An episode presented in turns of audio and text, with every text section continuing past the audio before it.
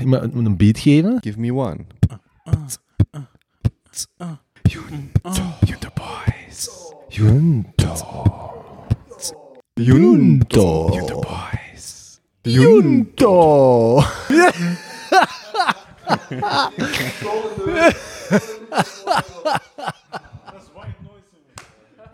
Een test. Geen- tube. Red is. America. Fuck yeah. Bigger Ah, and better, baby. Terug van weg geweest. Jawel. Een maandje Allemaal. ertussenuit, jongens. Hè? Een maandje ertussenuit zelfs. Ja, dat is een maand. Dit is een, het is een maand geleden, denk ik. Is dat zo? Ja. We hebben twee weken geleden niet opgenomen. God damn. Goed dat we er toch zijn geraakt dan. vandaag. Damn. Absoluut. Goed dat we er zijn. Hebben wij housekeeping? Yes. We zitten hier trouwens vandaag met ons drietjes ook. Hè? Met eh de, de enige echte voice van Vlaanderen. Woep woep. Alle jong partylights weggeven. Jonas hebt je al gehoord en, eh, en ikzelf. Ehm, housekeeping, boys. Let's keep it short and snappy.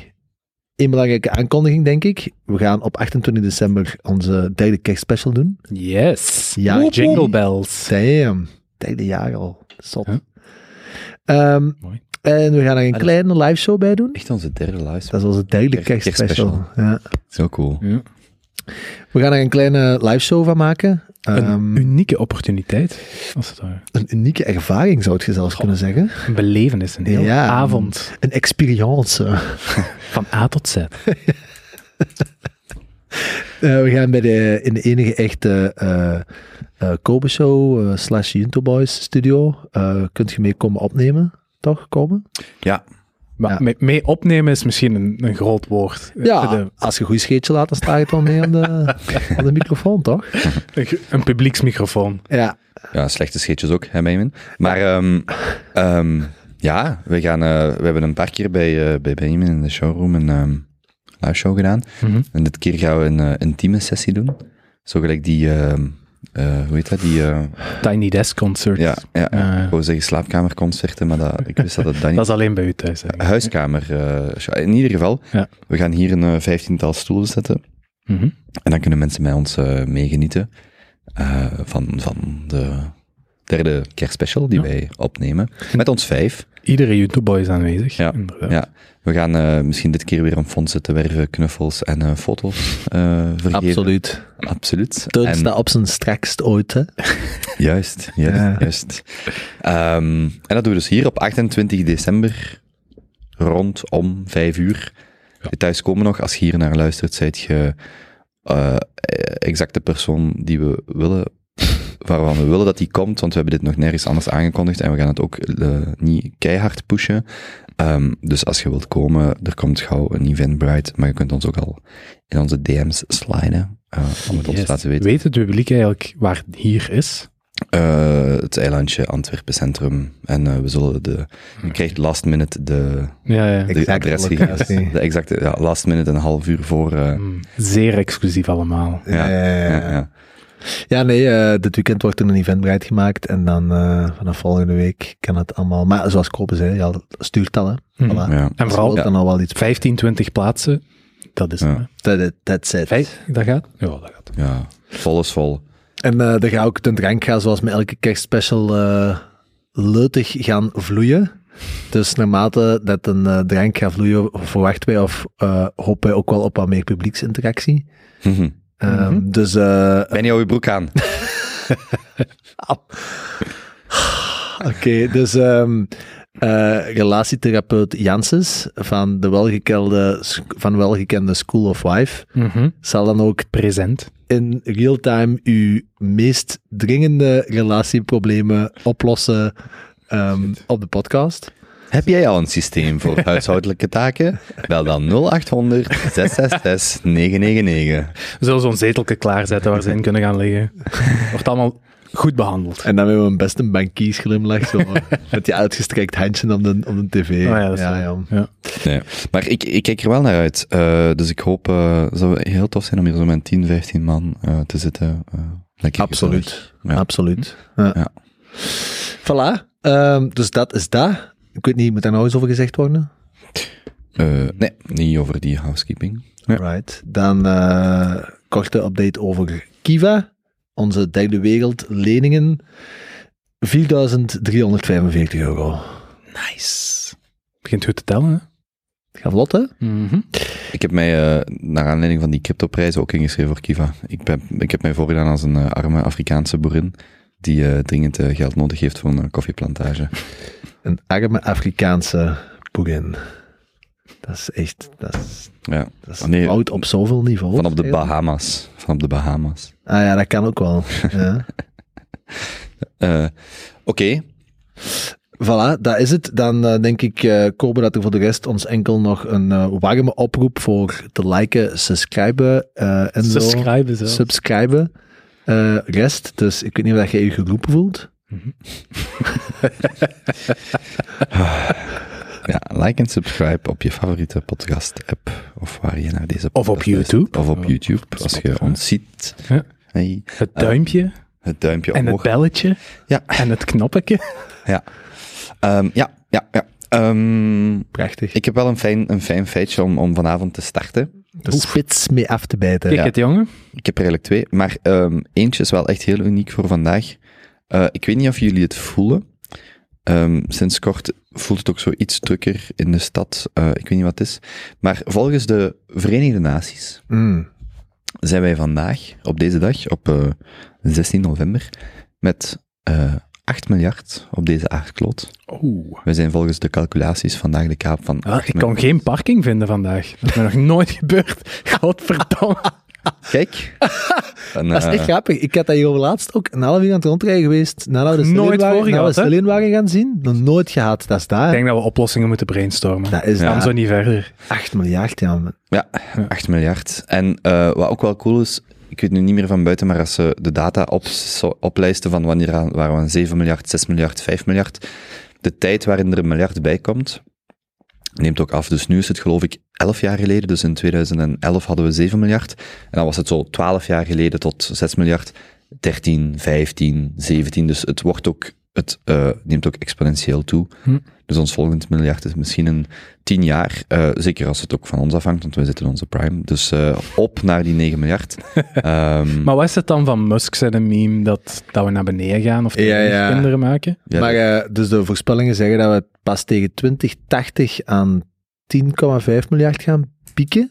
hm. Maar blijkbaar, ehm, ja, de ongelijkheid van waar het piekt. ja, het, het, het, het is gewoon, we worden veel ouder. Maar er komt van Ah. onder veel minder bij. Dus het is echt zo'n omgekeerde driehoekachtig gegeven aan het worden. In Europa dan.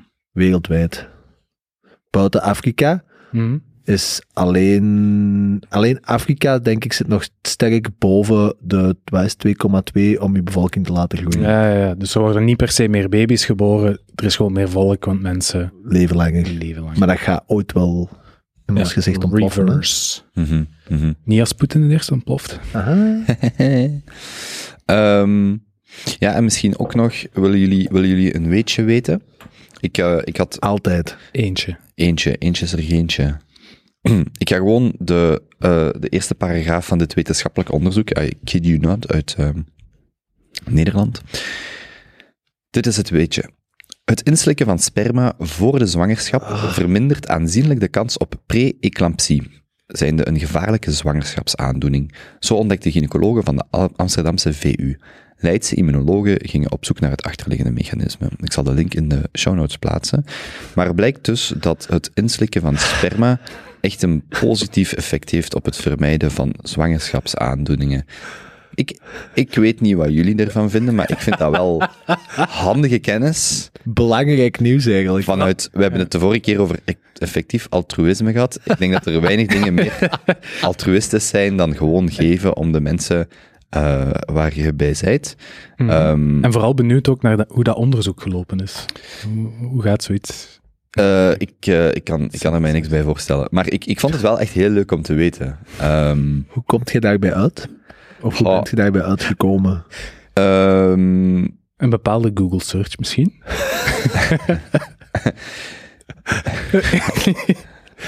Pregnant. Five ways to convince your.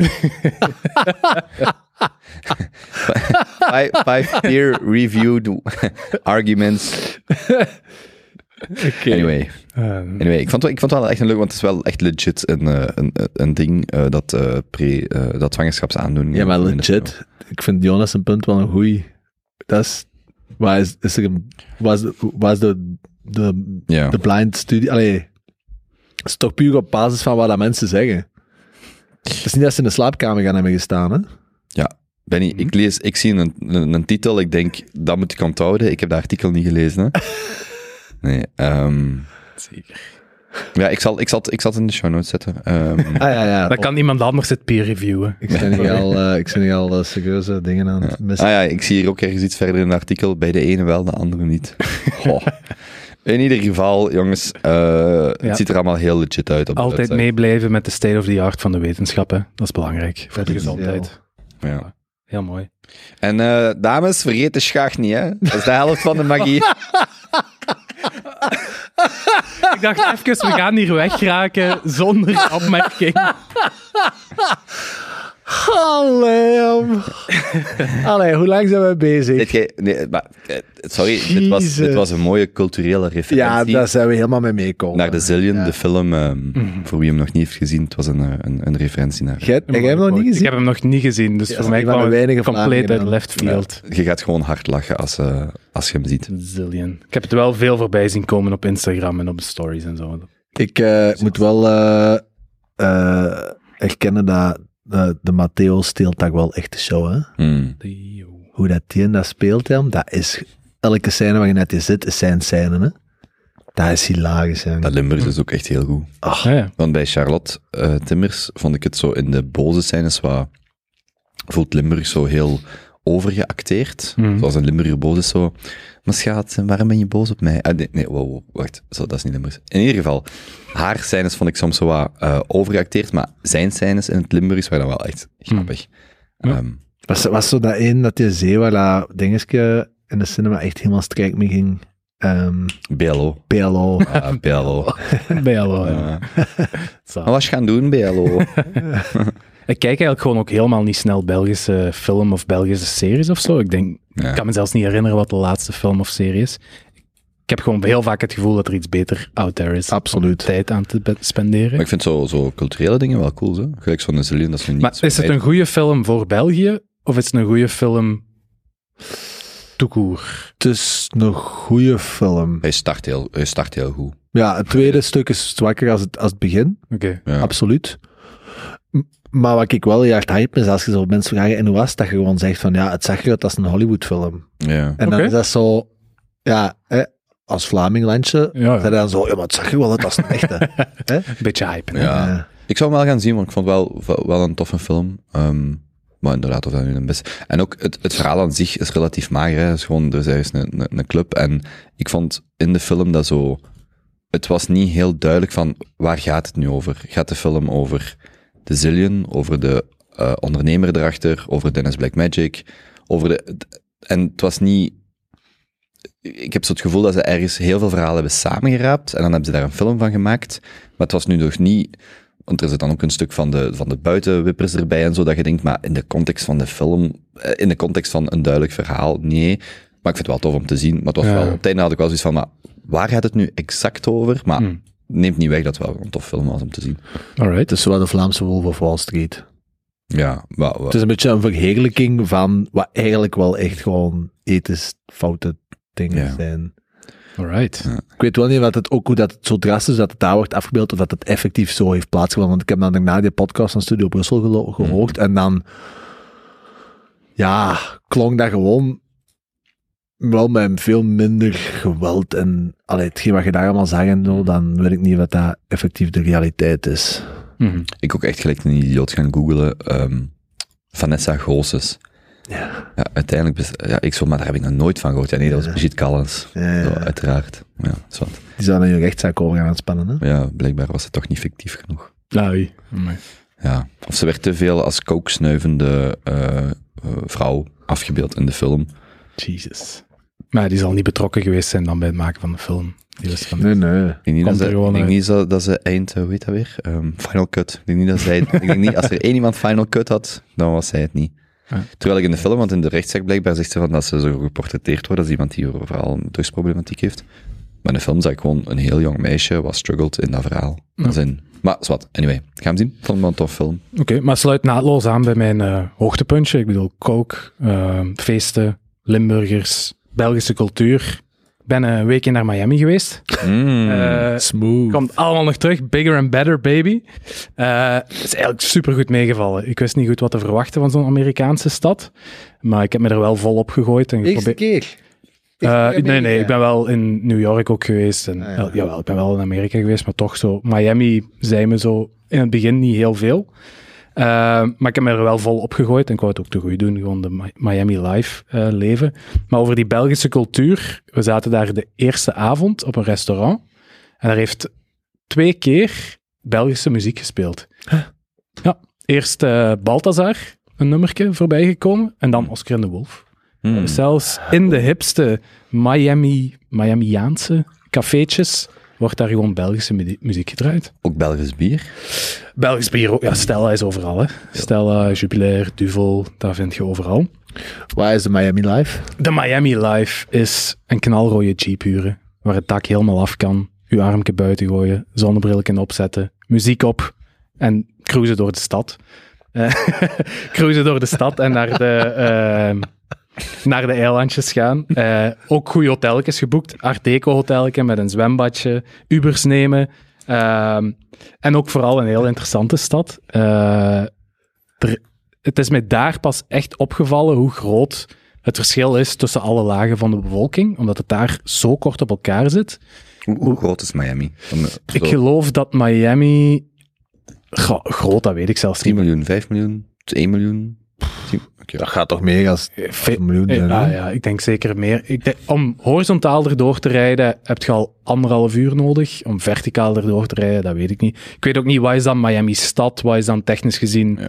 voor hun al een buitenstad? Voor mij is dat gewoon één gigantisch... De, de agglomeratie telt 5,5 miljoen inwoners. Ja, voilà. Maar dat zijn, voor ons zijn dat drie, vier steden eh, apart. hè. We hebben eerst in Miami Beach gezeten. Als je dan naar Miami Centrum wilt, zit je een half uur onderweg. Maar dat is, voor mij is dat nog altijd Miami. Wel alles met de auto, hè? Is dat zo de typische Amerikaanse Alles staat- met de auto. stad? Je kunt daar niet wandelen. Een heel goed YouTube-kanaal is eh, Not Just Bikes. Dat gewoon uren aan een stuk kakt op hoe dat Amerikaanse steden en dorpen in elkaar Mm. zitten. En alleen voor auto's gebouwd zijn. Rond ons hotel was ook gewoon niks. Je kon daar niks wandelen, alleen naar het strand. Maar geen winkels, geen Mm. whatever. Je moet in een Uber stappen. Eh, ook fietsen en zo, dat is gewoon eigenlijk allemaal daar niet voor te doen. En zelfs bij de Keys, dus onder Florida, heb je een aantal eilandjes, die trouwens, wat veel mensen niet doorhebben, op gelijke hoogte liggen met Cuba en eh, de Dominicaanse Republiek en zo. Dus echt mega tropisch. En daar ligt een eh, autostrade over.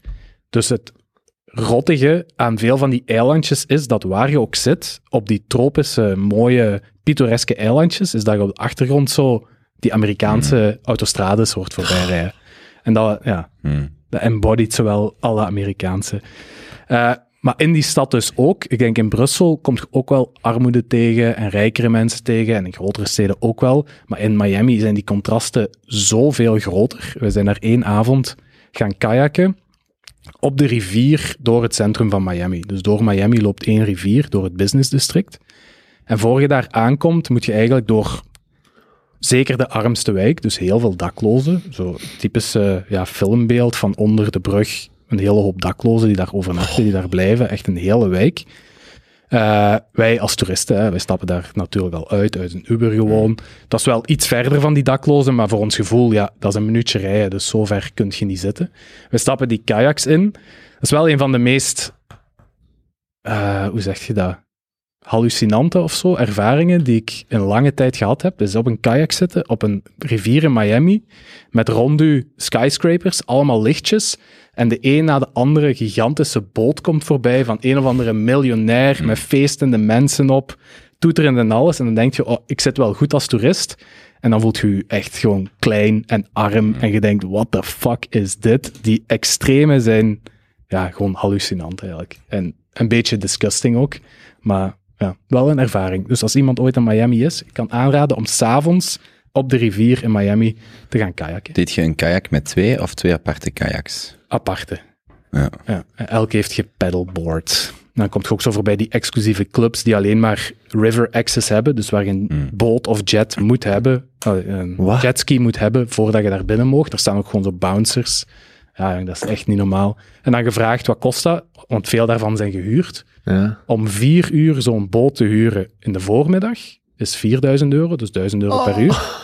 En tegen de avond toe gaat dat naar 2 à 2500 euro per uur voor een relatief...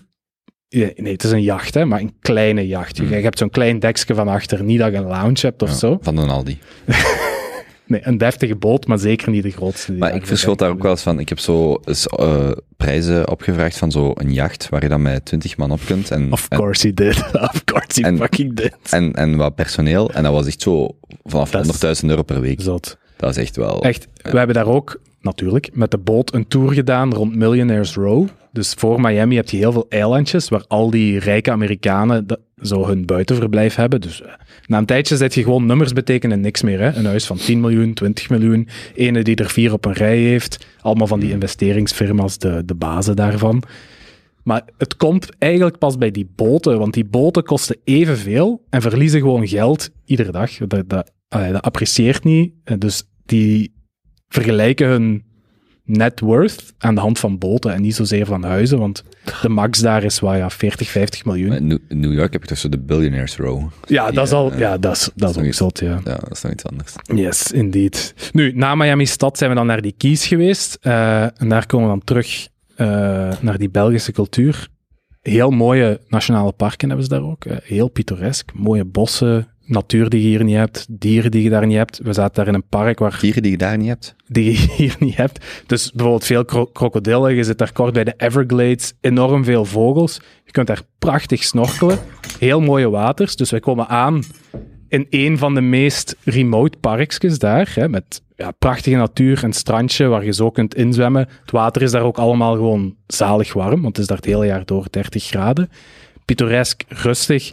Komen daar aan. Ik ga daar zitten voor lunch, klaar om een hele echte nummer 1 op TripAdvisor duikervaring te hebben. Komt een kale man boven met een snorkel.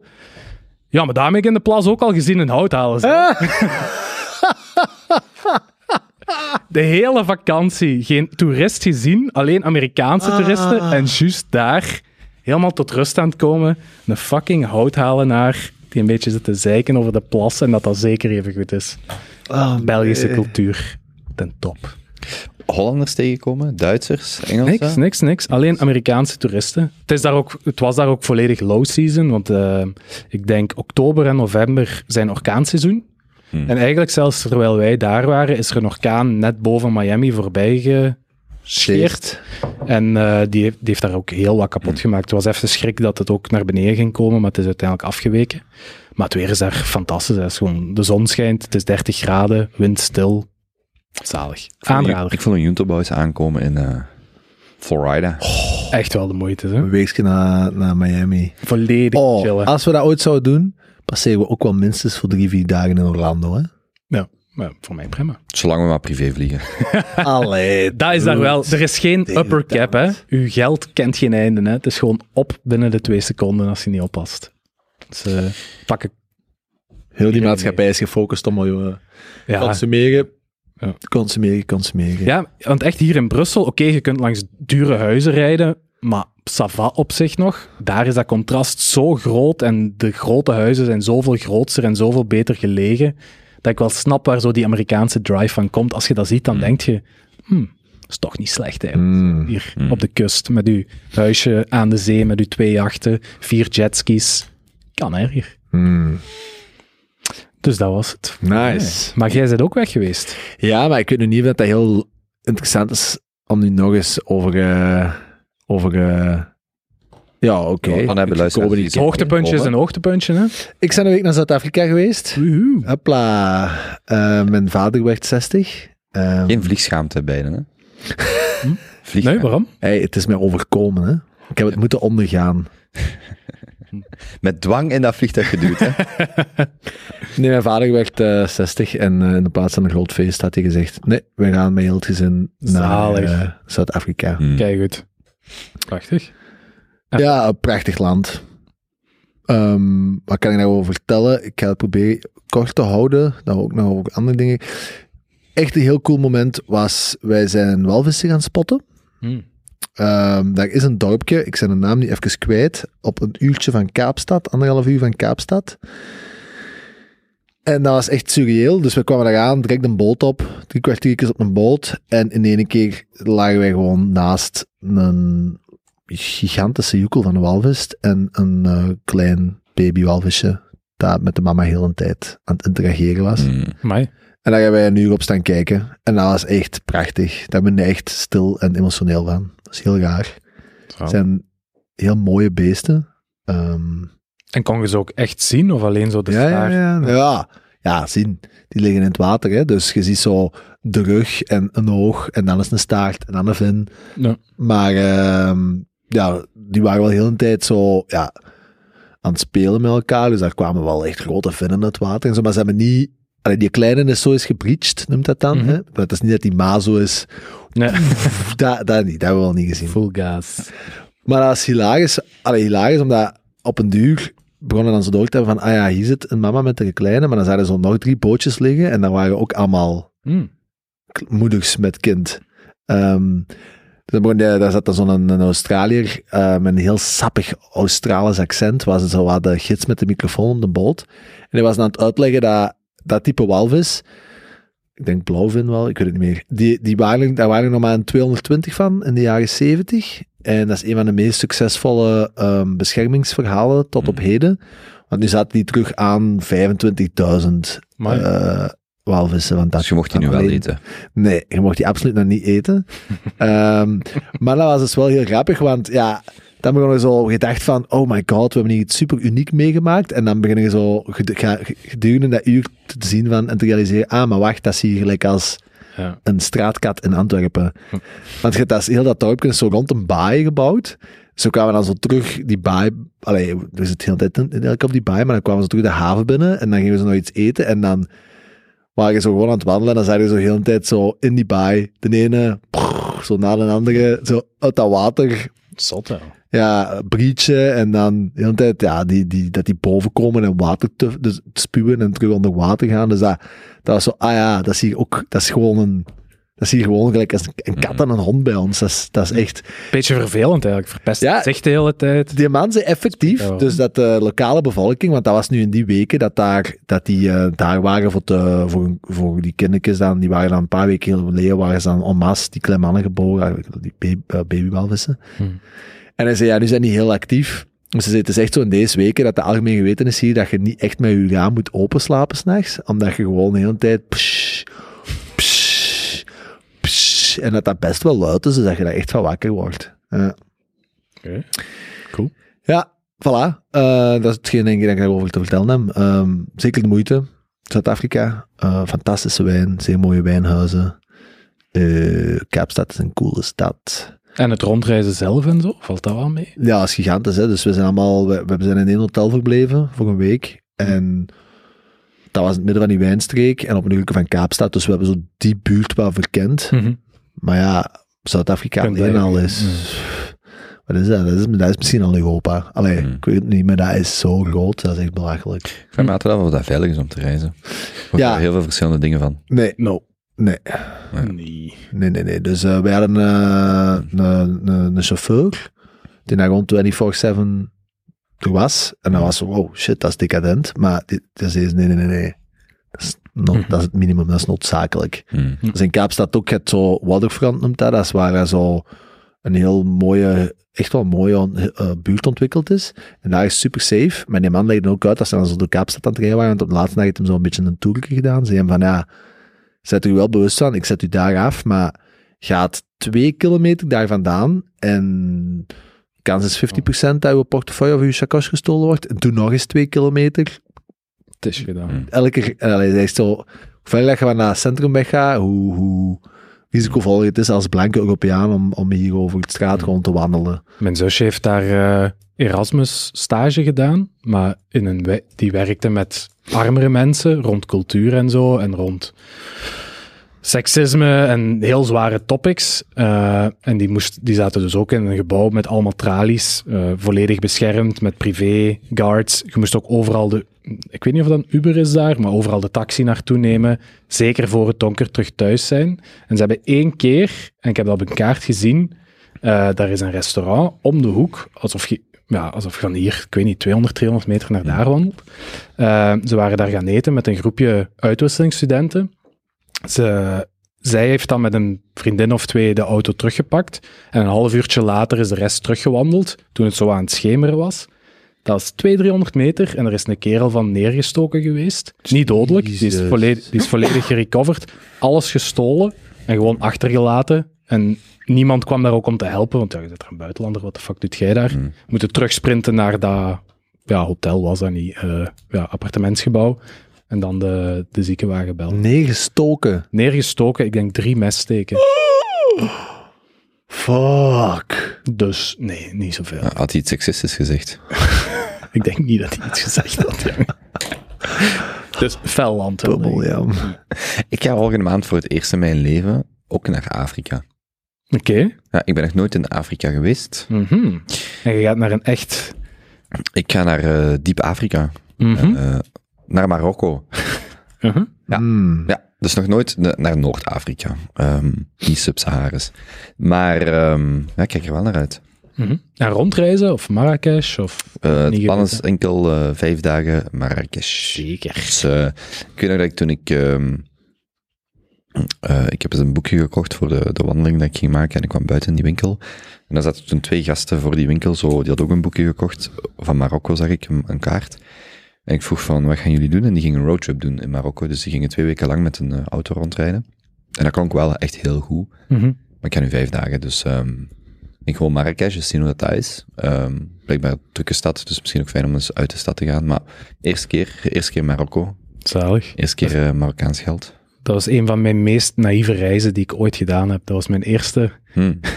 mijn eerste solo-trip. Dus ik ging Marrakesh... Ah, ik zat wel in een hostel, mensen leren kennen, veel samen weg geweest. Maar ook eens alleen gaan wandelen. En daar was... Ik weet niet waarom ik toen zo naïef was, maar anyway. Daar was dan één kerel vandaar die heel vriendelijk was. Gewoon een praatje slaan. Ik stond wel op een pleintje. Dus van, ah ja, ja, maar ik moet ook naar daar wandelen. Ik zal u wel een rondleiding geven door de rest van Marrakesh. Ik, zo goedgelovig als maar kan zijn. Ik heb die kerel, denk ik, letterlijk een half uur, drie kwartier zitten volgen met uitleg die volgens mij nergens op sloeg van alle hoekjes van Marrakesh. We gingen verder en verder van het centrum naar weet ik veel waar. Tot we op een gegeven moment op een markt zijn uitgekomen met een stalletje met een tapijtverkoper. Die heeft mij daar zo naar binnen ge- een beetje, bij die tapijtverkoper. Nee, nee, maar dat is een goede vriend. Dan gaat je zien hoe dat traditioneel tapijten gemaakt worden in Marrakesh. Die heeft mij daar neergezet. Die gast, ik zat daar alleen, hè, in the middle of... dat is niet the middle of nowhere, maar echt ver van het centrum van waar de toeristen zitten. En eh, die gast heeft daar een half uur lang een uitleg afgestoken over allerhande tapijten die duidelijk geïmporteerd waren van god weet waar, maar niet daar artisanaal gemaakt. Hm. Ehm, half uur uitleg gehad. En dan moest ik zo'n prijs geven die ik zou willen betalen voor dat tapijt. En dan daarover zitten onderhandelen. En uiteindelijk toch gewoon mijn rugzakje gepakt en heel snel weggewandeld. En die mannen hebben mij ja, 20 minuten, 25 minuten teruggevolgd naar dat centrum. Oh. En dan ben ik dat hostel kunnen binnengaan. Eh, ja. Gevolgd. Wat zei die dan? Die volgen nu gewoon. Ik, heb, ja, maar ik ben gewoon door blijven. Ik heb niet achter me. Jongen, ik, ik piste bijna in mijn broek. Ik heb gewoon teruggewandeld totdat ik toeristen zag. En dat was het. Damn. Sindsdien heb ik geleerd: volg geen vreemde mannen in donkere steegjes. Nee. Daarvoor ben ik nu niet naar Marrakesh. maar Tip van, Ja, Junto-tip van de maand. Dat was eh, een Ja. naïeve reis. We zijn ook. Bijna afgezet geweest in een doodlopend straatje en geforceerd om hash te kopen. Oh, Marrakesh. Ja. mooi. Klinkt Met leuk. drie toeristen tegelijk. Klinkt leuk, Kobe. Ja. Twee straten van ons hostel, verkeerde straat ingewandeld. Komt zo'n groepje buiten. Moeten jullie niks kopen? Zit je zeker? Ik zou toch echt wel iets kopen van ons. en dan allemaal zo wat eurotjes af... Waren het al euro's? Ja, euro's afgegeven. Mm. Waren het al euro's? Eurotjes afgegeven. En zo'n zakje gekregen, direct weggegooid. Want ze lopen daar de hele tijd rond met politie en honden. Dus dat kon... ja, Dus ik, leuke eh, stad wel voor de rest. Cultuur, top. Ik zal volgende maand een update geven als ik terug geraak. Nee, nee, Ah. dat, dat was echt wel een goede reis. maar- Ja, we zullen wel zien of het doorgaat, want eh, de vlucht is van eh, Charleroi. Dus ja, god weet. eh, Ik vlieg binnenkort ook van Charleroi. Van een toon te gaan bezoeken. Dat is genoeg om niet te gaan. Charleroi. Ja, ja, ja. jongen. Is Ik was aan het boeken en heel een tijd gewoon Brussel, Brussel, Brussel. Oh ja, En dan heb ik geboekt. En wat staat daar dan op? Brussel, Charleroi. zeker. Jongen, dan denk ik echt, dat, is, dat zijn mafiosi-praktijken, hè? Je bent echt gescheten, hè? Ja. Ik, ja, Ja. kunt je auto niet parkeren. Ik- Wel, er zijn toch parkeerplekken? Ja, ook van die dodgy parkingsjes waar ze u met een busje komen ophalen. Ja, maar dat heb ik al eens gedaan. Ja, ik ook, maar dat voel me daar niet goed bij. Ja.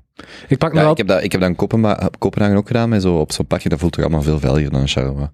Ja, dat gaat. Ja, ja. Het liefste pak ik nog de bus van Brussel-Zuid naar Charleroi voor... Eeuw, dan moet je eerst naar Zeven Brussel uit. Ja, als je met de trein gaat, is dat wel handig. Ja, maar jij, ja, jij woont daar ook. Anders moet je met de auto... Ja, Ja, want eh vlucht is vrij vroeg. Ik denk om, om acht Ja, uur is- In ieder geval, sowieso gescheten dan. Charleroi is kut, maar ja, het is, het is, dat is niks, want de, de vluchten waren nog relatief goedkoop, zo Ja, maar, maar ehm 60 of 70 euro. Terug. Echt. Netjes. En heb je ook een hoogtepuntje? Of was dat je hoogtepuntje? Dat je bij... Ehm, nee, mijn hoogtepunt was denk ik wel dat wetenschappelijk feitje van daarnet. Maar ik, ik heb eigenlijk ook wel een, een vraag aan jullie. Ehm, ja, ik vind het altijd wel leuk als wij geld van de overheid krijgen. Mm. En ik probeer er dan wel over Big na, te doen, over na te denken wat ik daarmee doe. En ja, wij krijgen weer allemaal 1000 euro van Echt? de overheid. Tuurlijk. Daar word ik niks van. Jawel, wij krijgen deze maand, volgende maand en de drie maanden daarop telkens 200 euro per maand eh, basis, hoe heet het, basispakket energie. En dat wordt letterlijk eh, gecrediteerd van onze energiefactuur. Dus wij Ik heb krijgen, geen energiefactuur. Dan krijg ik daar niet. Maar ja, jawel, jij dan niet dan? nee, nee, je blijft dat behouden tot het is opgebruikt. Ja, maar hij heeft een all-in pakket. ja, dan krijg je dat niet, denk ik. Dat is gescheten.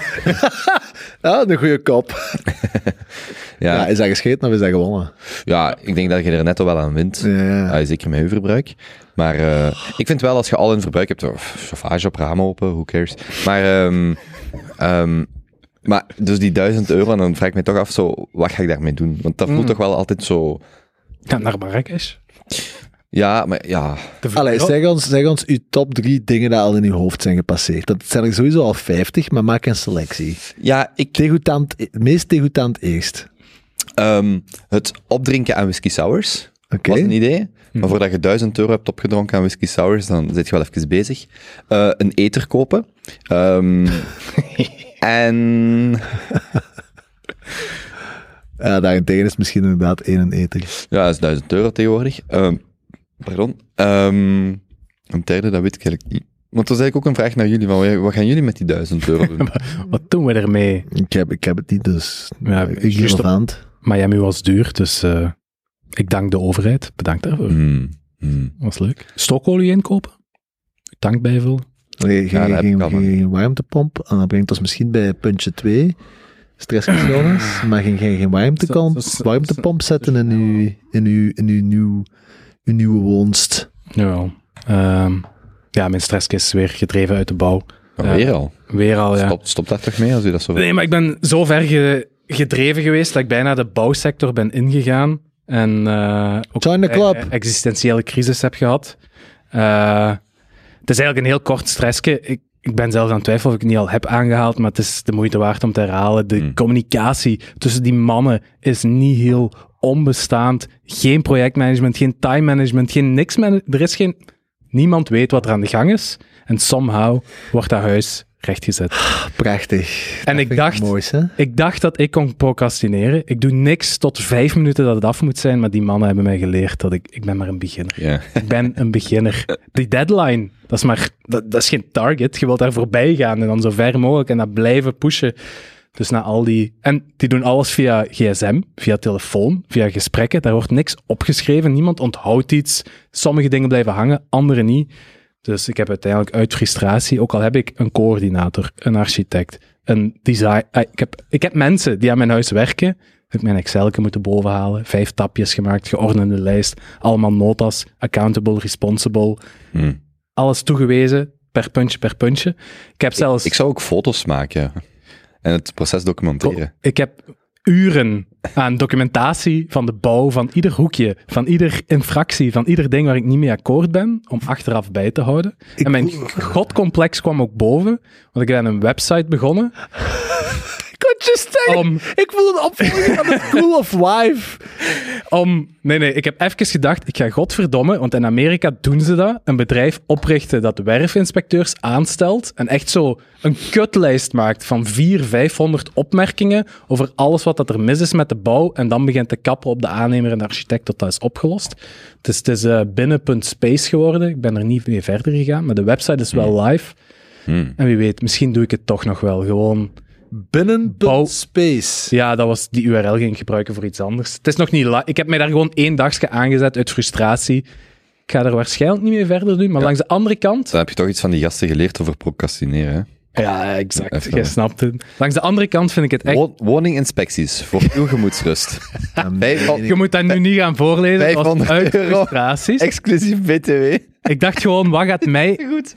Als je een bedrijf start, moet je beginnen van je eigen frustraties en problemen. Als je naar beneden scrolt, is er een filmpje van een oude man. Uw gemoedsrust. Zo gemakkelijk kan het Voilà, zijn. jij Dat is het je-. Naar beneden scrolt, is er een oude man die feest met een beker. Ja, voilà, kijk, dat is... Zo gelukkig wil ik Ben ik. zijn. Dat is alles wat ik vraag. Dat is alles zien, dat wat is ik fantastisch. vraag. Boek nu een woningsinspectie. Voilà, dus jullie kunnen dat nu... eh, Controleurs met 20 plus jaar bouwervaring. exact. Wacht maar, een paar Google Ads runnen. En voor je het weet, ben ik, zit ik in de bouwsector. Samen met de Benny. We gaan er eh, de Belgische bouwsector Ja, man, ik kan die link nu bijna al. We don't fuck around hier, jongen. Dat is MVP. Je gooit daar wat ads tegen. Je kijkt, kijkt of dat je boekingen krijgt op je kalender. Om hoe laat begint jij morgen te werken?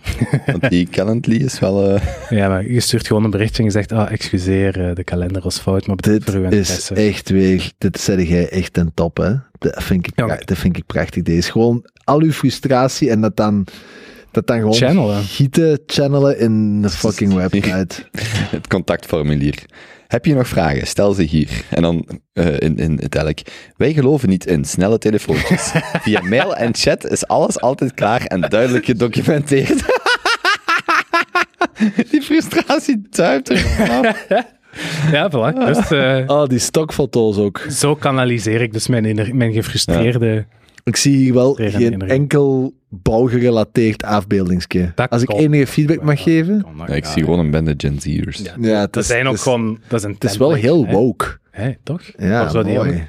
Heel mooi. Maar in Amerika is dat dus gewoon de, de, de norm, hè, dat je bouwinspecteurs hebt op iedere fase van je residentiële bouw. En hier is dat... pff, Niemand kijkt daarna. Maar Er is geen controle op je bouw. Hmm. In, in de industrie waarschijnlijk wel. Misschien.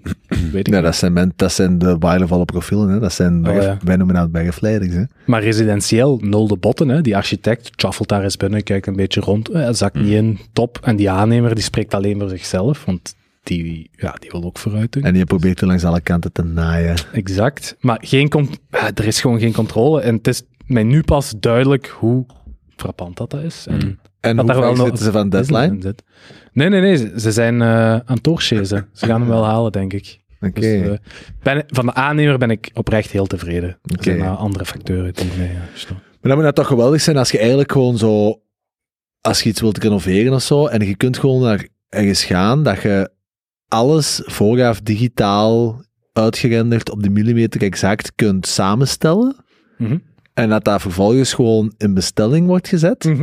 En dat dat dan een paar maanden later wordt geleverd als een soort van bouwpakket. Was er zomaar een En op drie dagen tijd is dat klaar, hè? Hmm. Stel je voor. Maar ja. Ja, jammer dat we zo niks kennen. Maar ja, wie weet, komt het ooit. Eh, ja. Dat zou... ander topic? Maar ja, als het, als het al zou bestaan, is maar de vraag of de markt echt geïnteresseerd is. Hè? Want die persoon zou toch heel waardevol moeten zijn dan met dat bedrijf. Ja, inderdaad. Allee, ja. Ik, ik heb ook wel deze week zo... eh, ik, ja, ik, ik huur een appartement. Mhm. En dan denk ik, ja, mijn rechten, uw rechten, we gaan ze afdwingen. Hè? Dus eh, mijn, mijn appartement is eh, niet... Ja, er, is iets, er scheelt iets met die pot. Ehm, ja, zo... ehm, ik kan dan zo fotootjes maken van de hendeltjes in de keuken die kapot zijn, omdat die van ondermaatse kwaliteit zijn. Maar aangezien dat iets van inferieure kwaliteit geïnstalleerd wordt, is dat niet mijn schuld als dat kapot gaat, want dat is Oh slecht geïnstalleerd. En dus ik zo mailtjes te sturen van, hm, ook het vriesvak van mij. Ik ben er niet echt fier op, maar ik vind het wel, ja, correct is correct. En dan, Ja, ik vind dat ook, ja, tuurlijk. Waarom ja. Maar als je nu iemand kon bellen die langskwam bij u en een checklist maakte van 100 punten om gewoon door te sturen, dat zou praktisch zijn? Maar heet dat niet een plaatsbeschrijving? Ja, guess. Ja, als je dat echt door iemand laat doen, is dat quasi hetzelfde, denk ik. Ja. En in België heb je technisch gezien ook eh, de, wat is dat, de formele acceptatie of zoiets. Maar dat is als alles af is, dan ziet je de elektriciteit, je ziet niks meer, dus waar gaat je... Anyway. Het moeilijke in de bouw is toch ook tegen dat iemand, tegen dat er echt problemen zijn, zijn die al failliet of is er iets anders aan de hand? Ja, ook Dat ja. soort dingen. Of kun je ze niet meer bereiken? Ja, of het, het staat er gewoon al. En ofwel zeg je, ja, dan vertraagt de bouw een maand, ofwel betaalt je meer, ofwel niks. Speciale sector. Maar Jonas, als ik u enige troost kan bieden, het gaat wel veranderen. Hè? Hmm, Oké. Ja, ja. Allee, residentieel, dat, dat, ja, dat is ook al bezig, maar ik denk wel dat al die amateurs er toch wel systematisch gaan uitgeduwd worden. Het gaat waarschijnlijk langer duren als we allemaal willen en hopen, maar Ja, maar wacht maar. er begint wel een zekere systematiek en professionaliteit op. Allee, dat staat er al op grote niveau, staat dat er sowieso al in, hè, maar ja, waar. change is gonna come. Ja, dat was de stretch goal. Hè. Puntje 4 was een kwaliteitslabel. Zelf gewoon het kwaliteitslabel worden. Niks beter als dat als bedrijf. Ah, ik zat gisteravond in de McDonald's en ehm, Eeuw. ja, ja, het was nodig. Ik had eh, energie nodig. Maar, ehm, en langs mij zat er zo een zo'n fishburger te eten met Oh. ehm, op de verpakking dat MSC-logo. Oh, mannen. En ik keek daarna en ik dacht, dat is zo nice van die gasten, zo'n scam. En Ja, ja, dat is het beste ooit. Dat is Dat- zoiets. Hey, ik doe mee, hè.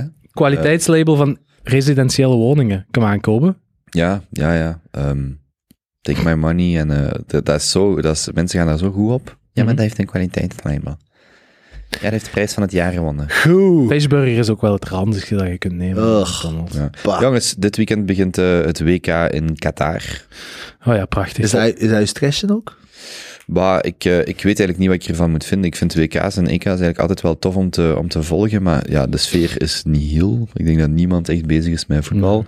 En dan heb je de problematieken rond hè, de bouw en, en dergelijke. Blijkbaar zijn er tot 6500 mensen gestorven.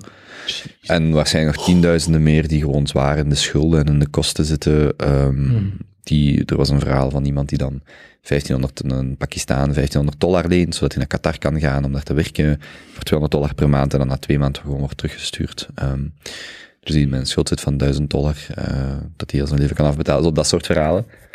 Ja. Eh, ik, ik, natuurlijk in, de, in het nieuws is het weer zo allemaal, eh, nee, dit mag niet, in het parlement ook. Dat ik denk, ja jongens, dit weet je toch al jaren dat dit, dat dit gebeurt. En moet nu niet komen virtue signalen. Maar ik vind het wel jammer, want ik vind voetbal eigenlijk wel tof om te volgen, zo als het in de zomer is. Maar nu ben ik het echt niet aan En het er is ook Goeie- niemand Goede Netflix-documentaire blijkbaar. over WK Qatar. Over de FIFA en hoe dat, Hmm. de, hoe dat, hoe dat met Qatar verlopen is en Ja. zo. En hoe, Echt, hoe, hoe heet het echt. ook? hoor? Ik denk als je naar Netflix open doet vandaag en je geeft FIFA in, dat je erbij uitkomt. Ja. Dat is, ik, zal- ik ga zelfs in de, ik zal een trailer in de show notes zetten. Is goed. En heb je die filmpjes al gezien waar dat ze, omdat er blijkbaar echt niemand is daar, dat ze supporters hebben ingehuurd Dat van andere ploegen?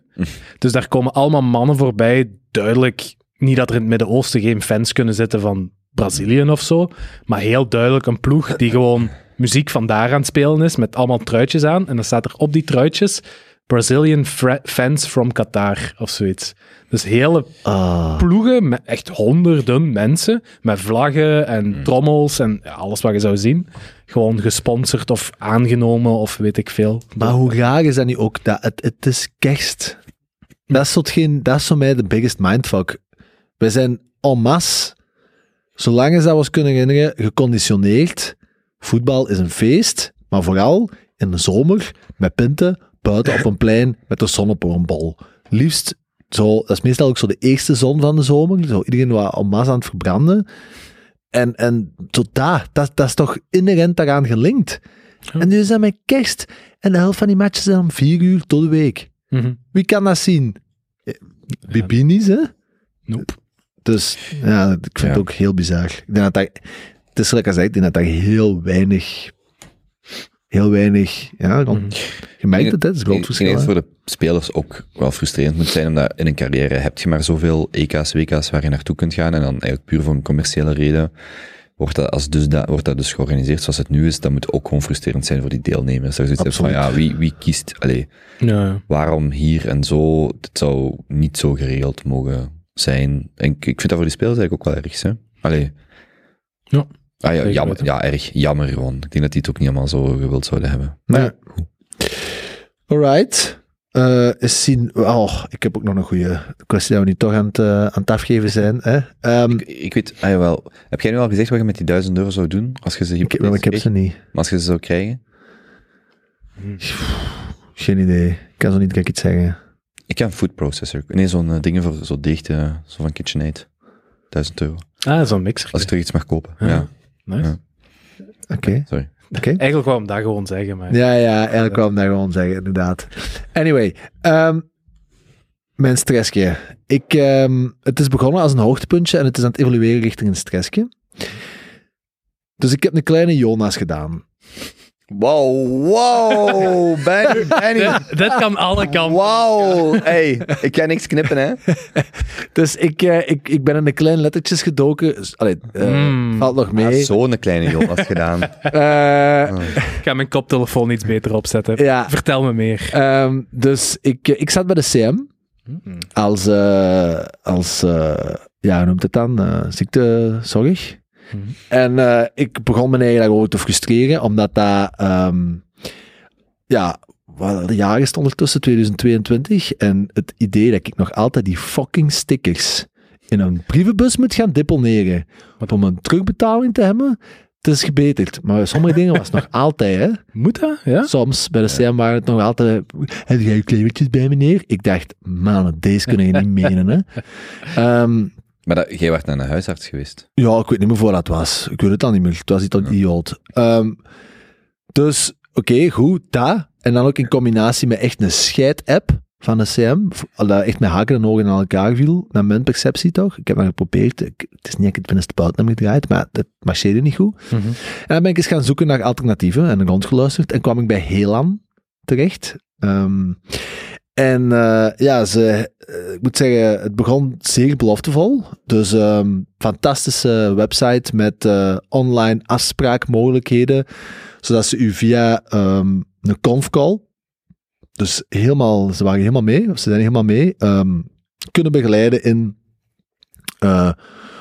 zowel uw, uw ja, wettelijk verplichte ziekenzorg, als ook uw ziekteverzekering kunnen we ook bij hen afnemen. En dat was dan een ander ding. Ik zat bij DKV, Hmm. jullie waarschijnlijk wel gekend. Ik kreeg gewoon elk jaar een factuur gestuurd van mijn DKV-polis. Mhm. En ik zag dat ook al elk jaar stijgen, dus ik zat nu aan 400 euro Per maand. per jaar Ah, wow. voor mijn DKV-polis. Ja. Ja, ik vond dat, als ik, uitkeek naar mijn, als ik naar mijn financieel overzichtje keek van wat mijn jaarlijkse en maandelijkse terugkerende kosten zijn, was DKV mijn grootste terugkerende jaarlijkse kost. 400 euro. Amai. Buiten mijn huur, hè. Ja, ja. Maar zo van abonnementen eigenlijk, die daar lopen. Ja. Ehm, en dan ging ik kijken bij Hela. Oh. Ja, ik, ga, ik zeggen. En dan, eh, dan keek ik bij, eh, bij Helan en dan zag ik daar van die cijfers staan van eh 6,75 euro per maand. Maandelijks opzegbaar. Mooie oplijsting van wat de verschillen waren tussen elke categorie. Online gesprek om het allemaal mee duidelijk te pakken. En wij nemen alle administratie om over te schakelen van uw bestaand contract naar ons contract ook helemaal op ons. Netjes. Ja, tegen zo'n 22 of 21ste eeuwse juppie moet je zoiets natuurlijk niet zeggen, want Mm. allee, dan zit je helemaal mee. Dus ik heb, ik heb een online confcall ingepland met een van die begeleiders. En die man heeft mij heel duidelijk uitgelegd, en vanaf hier begint mijn stressje. Dus waarom betaalt je, ik ga even, jullie zijn DKV-klanten? Mhm. Ja. Nee, ik niet. Ah, ja. Ah, ja, ik ben nog. Want Ja. denk ik, DKV staat bij mij zo bekend voor de tandheel. Zo. Vooral dat, dat. DKV is zo wat de Rolls-Royce van de ziekteverzekeringen. Dat is zo wat hetgeen dat er bij ons in België is ingeramd, denk ik, door de mama en de Ja. papa. En Eh, pak dat maar mee over, en bedrijf- pak dat maar mee over, want dat is het beste. Ja, mijn, Da. ja, mijn ouders hadden ook. Dat is geen dat ik altijd heb gehoord. Dat is geen. dat- nee, nee, nee, dat moet, je moet dat gewoon doen. Dus ik dacht, ja, maar het zal- oké, het zal wel, oké, dat zal dan wel zo zijn, maar nu ben ik toch wel eens benieuwd van waar komt dat? Want ik hoor dat al mijn leven. Mijn pa zegt al mijn leven dat ik dat moet betalen, maar explain it to me. Dus ik heb dat gesprek met je, met je vertegenwoordiger van Heelan en ik vraag, leg me nu eens uit, hoe werkt effectief ons ziektezorgsysteem? Want Ik kan mij niet melden in België dat als ik bij DKV zit, dat ik een betere chirurg of betere protheses of betere begeleiding krijg als als ik bij een andere verzekerd ben.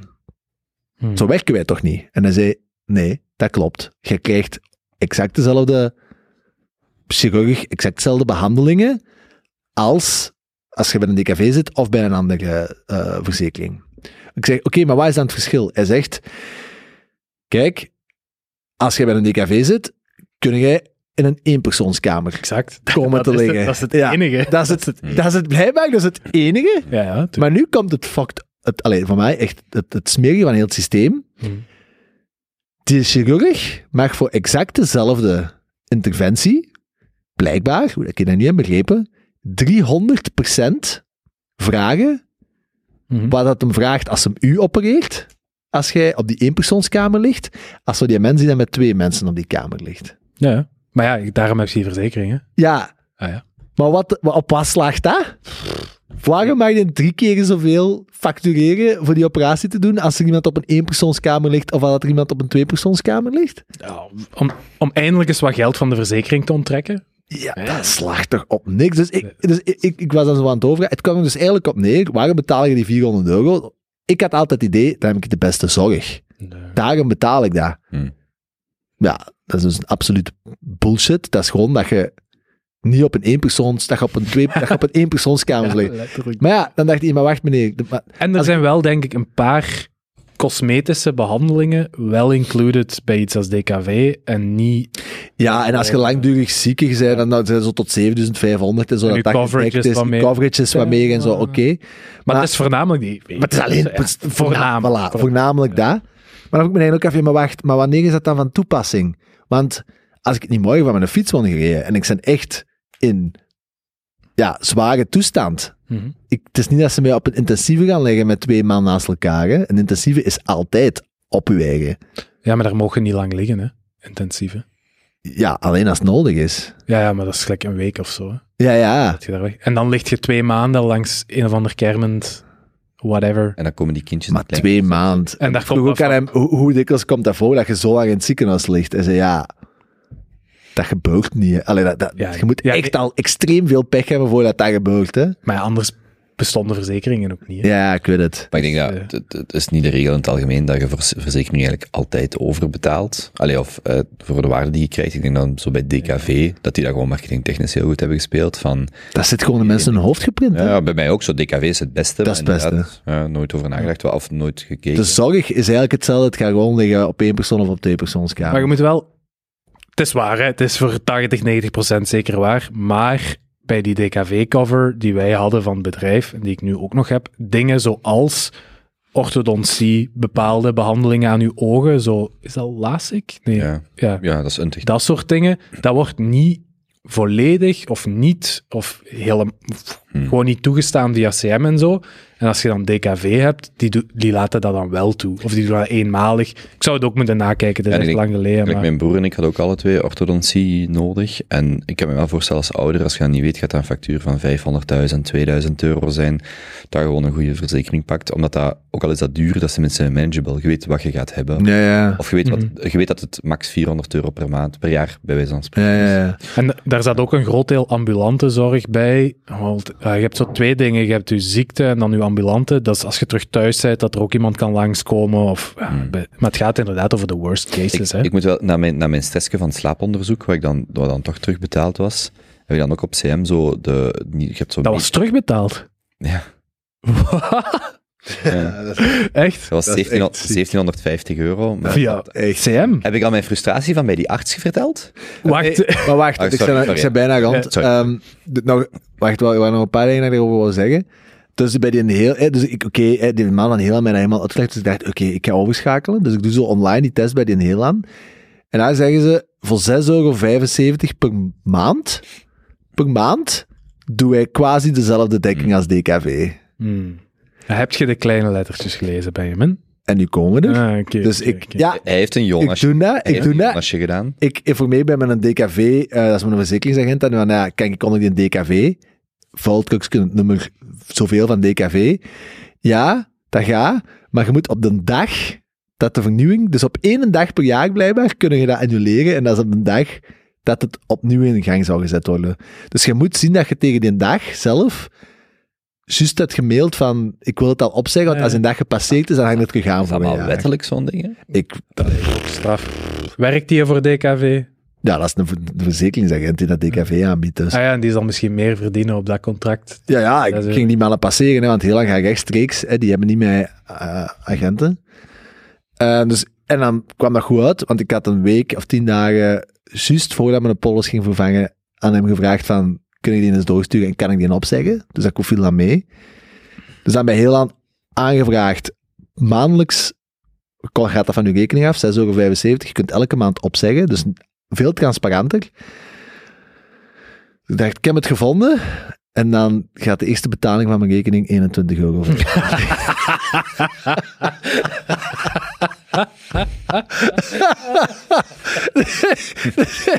Dan zeg ik, godverdomme! hè.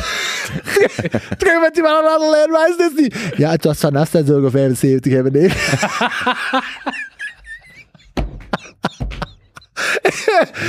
Godverkutte! Maar ja, bol, ik was nog altijd 40% goedkoper aan als met DKV, hè. Maar ik dacht, jongen, gelle klootzakken. Oh, zaal. Ja. Maar bol, allee, ik ben er nu nog mee in gesprek, want we kunnen het dan toch nog verlagen naar 12 euro. Maar dan moet ik nog eens goed zien wat de verschillen zijn. Maar over het algemeen is het wel een verbetering die in heel aan. Dus ik wil er ook niet, ik wil ze nog niet er volledig doorhalen.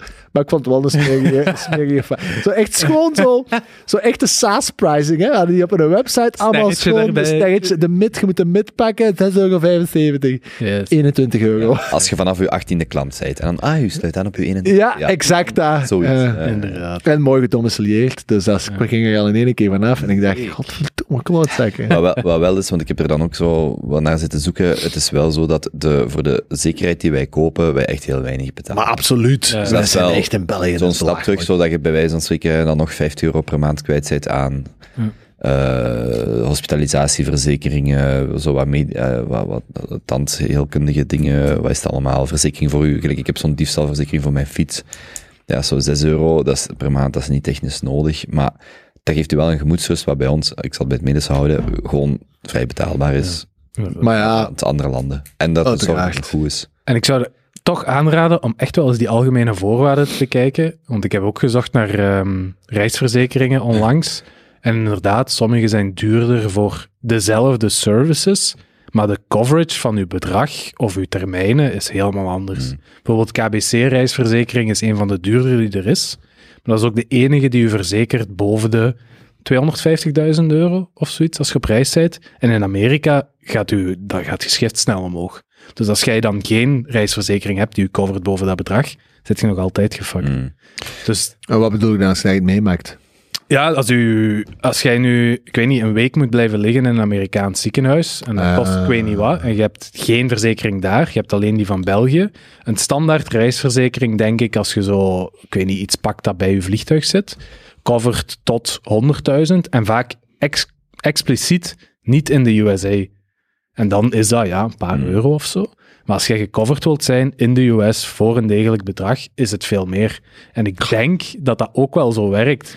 Maar ik weet niet in hoeverre. Hè? Zo de wereld afreizen met de Jonas, dat moet toch een ongelooflijk ontspannend Hm. gegeven zijn. Je weet gewoon, die heeft dat allemaal bestudeerd. dat is allemaal in orde. Als je mijn Excel moet hebben van ziekteverzekeringen. Absoluut. Jonas, ring, Jonas is de vierlaags geparfumeerde versie van toiletpapier. Dat is gewoon top-notch.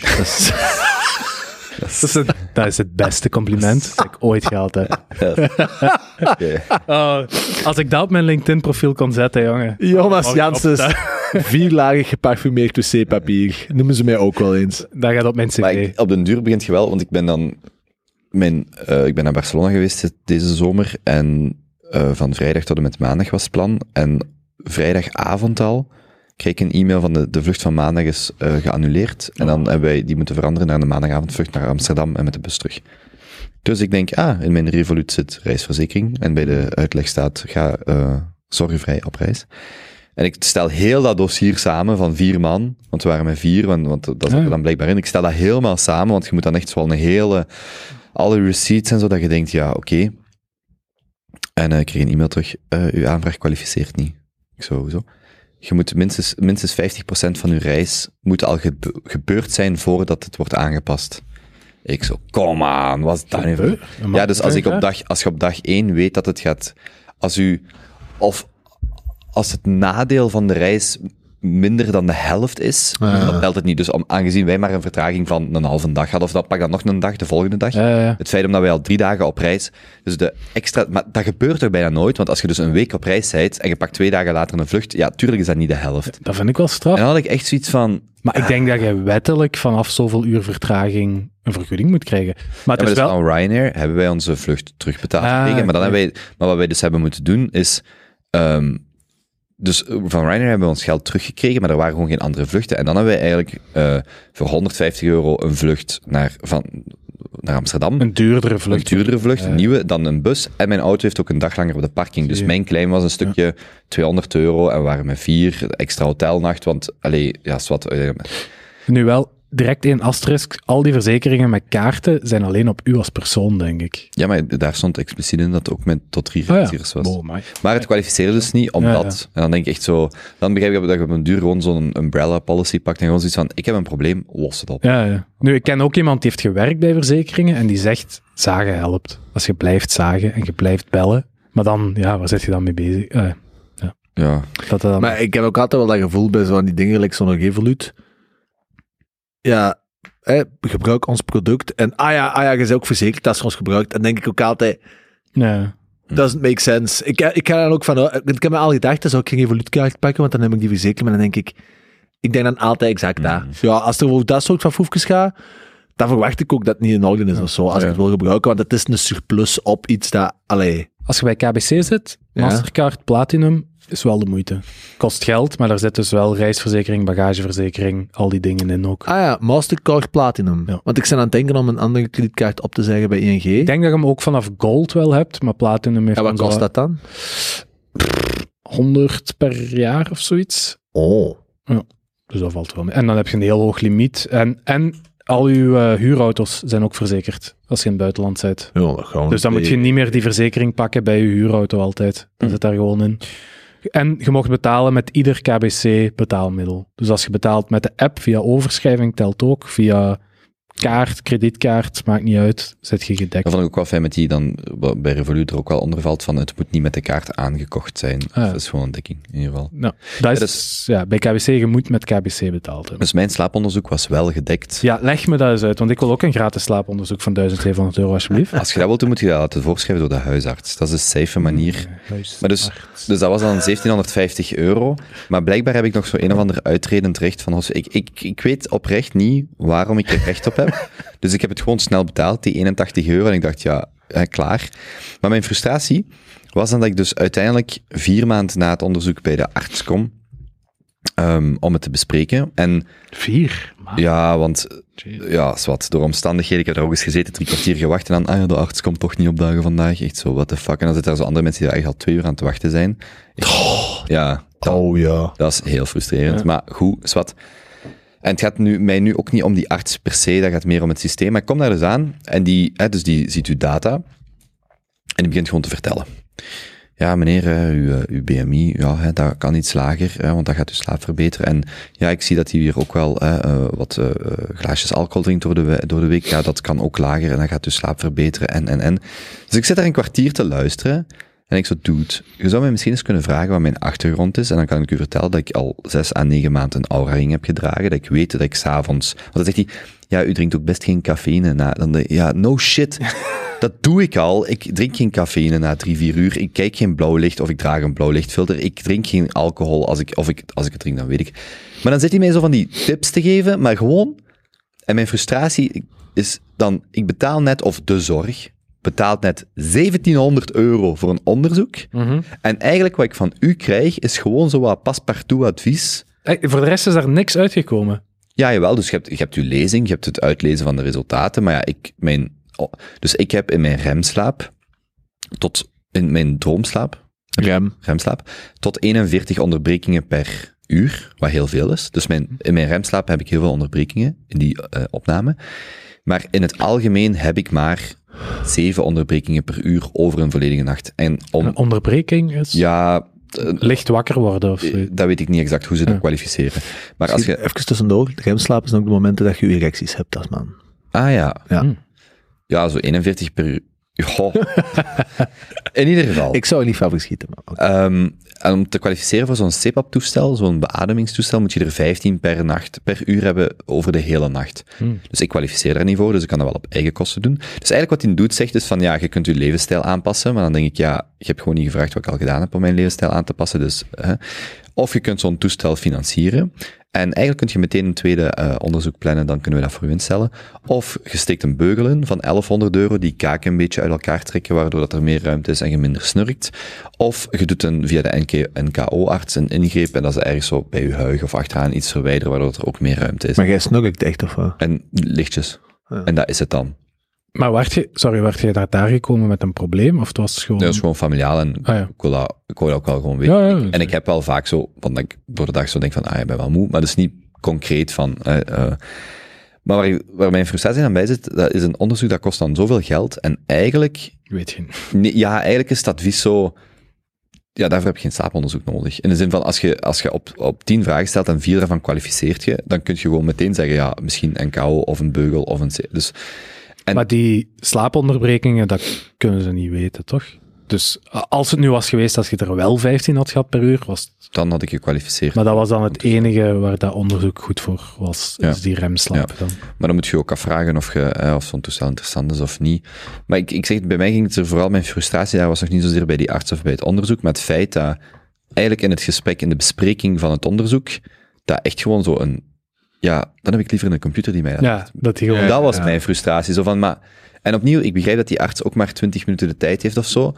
Maar dat is dan zo duur om dan niks persoonlijk. Heb je die data gekregen? Ja, die heb ik. Die heb ik. Ik ga morgen trouwens dat bloedonderzoek doen, wat jij ook hebt gedaan. Met Ah, bij Charlotte? Ja, Tussen ja, de groeten. dat zal ik doen. En wie was dat? Ja, die, die zo vies kijkt, eh, die zo, zo, zo sm- smachtend kijkt naar u. Ah ja, Benjamin IJzermaat. Nee, nee, nee, nee. Maar, ehm, en, en bijvoorbeeld, ik ben, ik ben trouwens ook eh, Inside Tracker, daar waar eh, Lex Friedman eh, reclame van maakt, daar kun je eigenlijk hetzelfde doen. Je doet een bloedonderzoek en die doen, lezen dan al uw, In België? eh, ja, ook in België. Die lezen al Echt? uw biomarkers uit. Inside Tracker. Inside Tracker. Ja, Lex maakt daar promo van en ik heb hen gecontacteerd. Die zeggen, als jij een bloedstaal laat nemen en je stuurt ons pardon, de, de resultaten door via pdf, dan, ehm, dan kunnen. Ah, dus met die pdf van, maar dat is Nederlands. Maar dan ga ik aan Charlotte vragen van, is dat niet hetzelfde wat jullie doen als die Inside Tracker? Want dat is voor mij nog een interessante business case. Dat je dus bij van die mensen die dit allemaal goed vinden, gewoon maandelijks langs gaat en je zegt, we doen een volledige uitlezing van uw bloedwaarde. Ja, ja. Anyway, maar ehm, dat was zo, zo gewoon zo een beetje frustrerend van... ah, dat is gewoon heel inefficiënt, dat systeem. Ja, ja. En je zou ergens nu niet per se mijn, dat ik mijn Aura-data moet uploaden, maar als, zeker als jonge persoon die ook mee is met de technologie, is dat zo frustrerend dat die eigenlijk, ik heb vorige maand een DEXA-scan gedaan, ik heb mijn Aura-ring-data, ik heb bloedonderzoek en die arts die weet gewoon van niks, bij wijze van spreken. Maar dat komt eraan. Allee, ik keer aan max. Ja, in Europa, in, Europa, in Amerika is het er al. Maar ik ken nog max vijf jaar. Of er gaat een, so, er gaat een softwarelaag komen. Een goed privébedrijf dat een softwarelaag creëert. Overheen al die verschillende tools die dat er vandaag op de markt beginnen te komen. Want let's face it, we zijn er nu wat mee bezig, dus we zijn wat vroeg. Hè, maar je hebt toen, iedereen, hoeveel procent van de bevolking vandaag heeft een slaap- of bewegingstrekker? Dat gaat toch tegen de 50% zijn, hè? Nee, jong. Een bewegingstrekker, je bedoelt Ja, partner. ik, mijn, mijn ouders, Toegang tot, maar gebruikt. dat is over stappentellers en Ik zo. denk eh, dat jij een naaldje moet pakken, je bubbelken even moet poppen en eens naar buiten moet komen. Maar f- stappentellers, mensen zijn toch op een gsm en zo toch ook al... Ja, oké, maar- ik zeg misschien aan het Ja. maar pakt Oké. 10%, snap 10, wat je 15 bedoelt, ja. Ja, ja, Eh, hebben, hebben iets van Fitbit, Aura Ring, eh, Whoop, wat is het allemaal, je hebt er al wat wat, hè. Dan, wij zijn nu nog wat vroeg, maar dan doe je daar een, een 23andMe over. Je doet daar één keer per jaar of Hmm. twee keer per jaar die bloedanalyse over. Eh, ja, we hebben binnenkort nog hè, dat, je, dat je kakjes opstuurt voor eh, analyses te laten doen, bijvoorbeeld. Mhm. Dat is nu al goed dat je dat allemaal kunt doen, maar volgens mij de volgende stap is om die verschillende silo's aan kennis met Ja, elkaar ja, te gaan verbinden. De hè. enige die die incentive hebben zijn verzekeraars, hè. Die dan gaan zeggen, ah ja, stuur ons al onze data en je krijgt een betere Maar nee, er zijn, er zijn zoveel businessmodellen mee te doen. Ik geef een voorbeeld. Ja. Je hebt al die data, want hoe beter dat ze die verschillende silo's kunnen gaan samentrekken tot één allee, volledig Hm. beeld, dat bedrijf dat daar dan een, een, een softwarelaagje kan overleggen en daar dan op, voor u kan voorstellen, dit zijn de zes vitamine Hmm. dat wij u adviseren om bij te nemen, betaalt ons abonnement en wij sturen dat naar je thuis. Ja, maar die liability gaat geen enkel bedrijf willen nemen, denk ik. Ja, het zijn vitamintjes, hè. Ja, true. Ja, Nee. misschien wel, ja. Waarom niet? Of, of dit is het, wij weten ook op basis van nu dit, moet jij de komende week dit eten. Er is wel eens zo'n appje waar ik heb mee samengewerkt, eh, dat heel populair was, dat echt alle data van al die trackers in één app samensteekt. Maar ik ben even de naam kwijt. Als ik erop kom, zal het in de show notes zetten. Wel... Ik ben wel benieuwd wat jij ervan gaat vinden. Jij gaat morgen naar daar. Ja. Ja. In persoon, Deurne. Ja. Ja, ah, Ja. nice. Ja, ik, eh, ik vind zo'n dingen gewoon tof om te doen. Intakegesprek morgen. We hebben dat nu als eh, eh, mogelijkheid aangeboden bij ons in team. Hmm. Dat je dat op bedrijf kunt doen. Cool. Maar, heel vet. Ja, ik vind zo'n dingen gewoon heel interessant om bij te houden. Dus als je nu zelf moest... Want ik ben er zelf niet zoveel mee bezig, maar ik wil wel beginnen. Als je nu zelf zou zeggen, ik laat me één keer per jaar controleren, wat doet je dan? Je gaat naar binnen.space en je boekt daar een eh bloedonderzoek en een eh lekkere... Dat is mijn privé binnen Space, jongen. Nee, nee, serieus. Wat, wat zou je Ja, je wilt een eenmalige... Ja, of om het jaar, om de vijf jaar, ik weet niet. Wat zou je zelf... Maar wat, wat wilt je weten? Gewoon, uzelf, in de, zoals je je persoonlijke finances in de gaten houdt, wil Ja. je ook je eigen lichaam... Mag ik mijn starterspakket voor een 30-jarige man geven? Ja, voilà. Dat. Je gebruikt eh, een Aura-ring een tijdje voor je slaap te checken en daar dingen uit te leren. Mhm. Je doet een bloedonderzoek à la Benjamin, eh, maandelijks, kwartaal, halfjaarlijks, jaarlijks, dat, dat, eh, voor een volledige biomarker-interpretatie. Nou ja, niet gewoon via de dokter. Nee, je wilt echt Nee, wel, want dat is, want ik ken, ik ken een Inside Tracker, maar ik neem aan dat, eh, waar Benjamin het over heeft, dat dat zelf heeft, dat dat ook een, echt wel een diepere eh, interpretatie doet van je resultaten. Dan doet je een colonoscopie.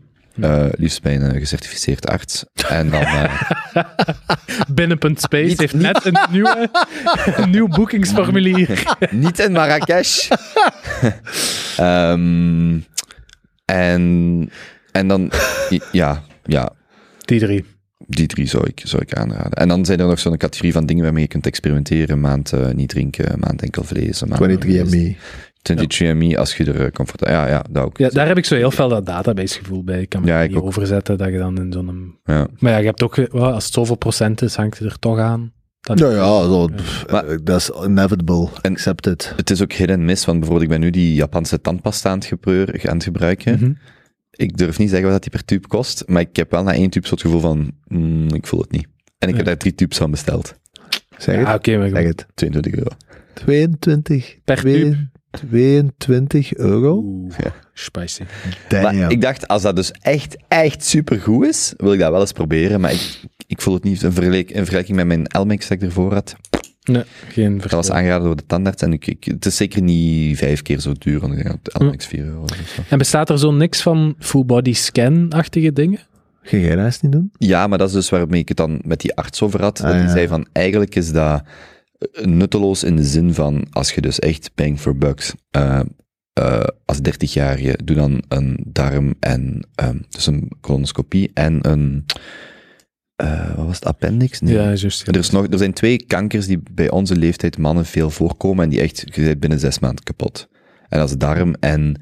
Pank, nee, pancreas, denk ik. Hm. En die twee zou je moeten onderzoeken. Als je dan toch... En al die MRI's en zo, dat... dat Doet eigenlijk niet. Nee, en, en het kan zelfs dingen naar het licht brengen die aan zich niet kwaad... Het kan nu nog meer zo, dus... Maar ik over laatst nog wel aan hem moeten denken. Chamath had ooit gezegd, zo op de All-In, in ene... Wat was dat? Zo, dat één cijfer dat zei hoe hard uw bepaalde, een bepaald ader naar uw hart geblokkeerd zat. En dat dat zo de causaliteit tussen zo dat cijfer en hoe snel dat je in de komende 6 tot 18 maanden een hartaanval ging hebben, was echt zo 90% weet je dat nog? Nee, ja, nee. Ik kan me dat niet herinneren. Mm. Maar die gasten zijn ook wel allemaal 10, 15 jaar ouder dan ons, hè. Ja, en een, een checkboek maal duizend. Ja. ik ben ervan overtuigd. Allee, jongen, waar ik soms echt van kan watertanden, maar dan, dat is misschien, ja, bon. Zo, die, die Kevin Rose en zo, die zijn een arts. Dat is Pieter Tia. Ja, hè. Peter Tia. Ja, dat is ook heel... ik heb daar, er gaat volgens mij geen maand voorbij dat ik zo eens op mijn fiets of zo zit en denk, hmm, Pieter Thia's echt. Pieter, En wat zou dat kosten? Ja. Zo, want die, dat is echt, ja, dat is echt dat zeker. was mijn allereerste, nee, niet de allereerste, maar één van de allereerste mensen die ik online, wiens blog, ik zal het zo zeggen, een van de allereerste blogs die ik van binnen naar buiten, omdat die via Tim Ferriss, en die schreef dan heel veel over keto, en zijn, Dat is echt. die zijn blog heb ik volledig gelezen, echt alles wat daarop stond. Maar die doet, die spoort wel niet, hè? Allee, daar is echt een hoek af. En die schaal. ik trouw dat niet. Oh god. Zouden jullie, daar heb ik wel nog legit over zitten nadenken, haartransplantatie. Is dat iets wat jullie, want ik snap het wel hoor. Ik heb daar dit weekend zo hard mee gelachen. Ik was op weekend met de mannen van Mol. Ja. En daar zit nog zo...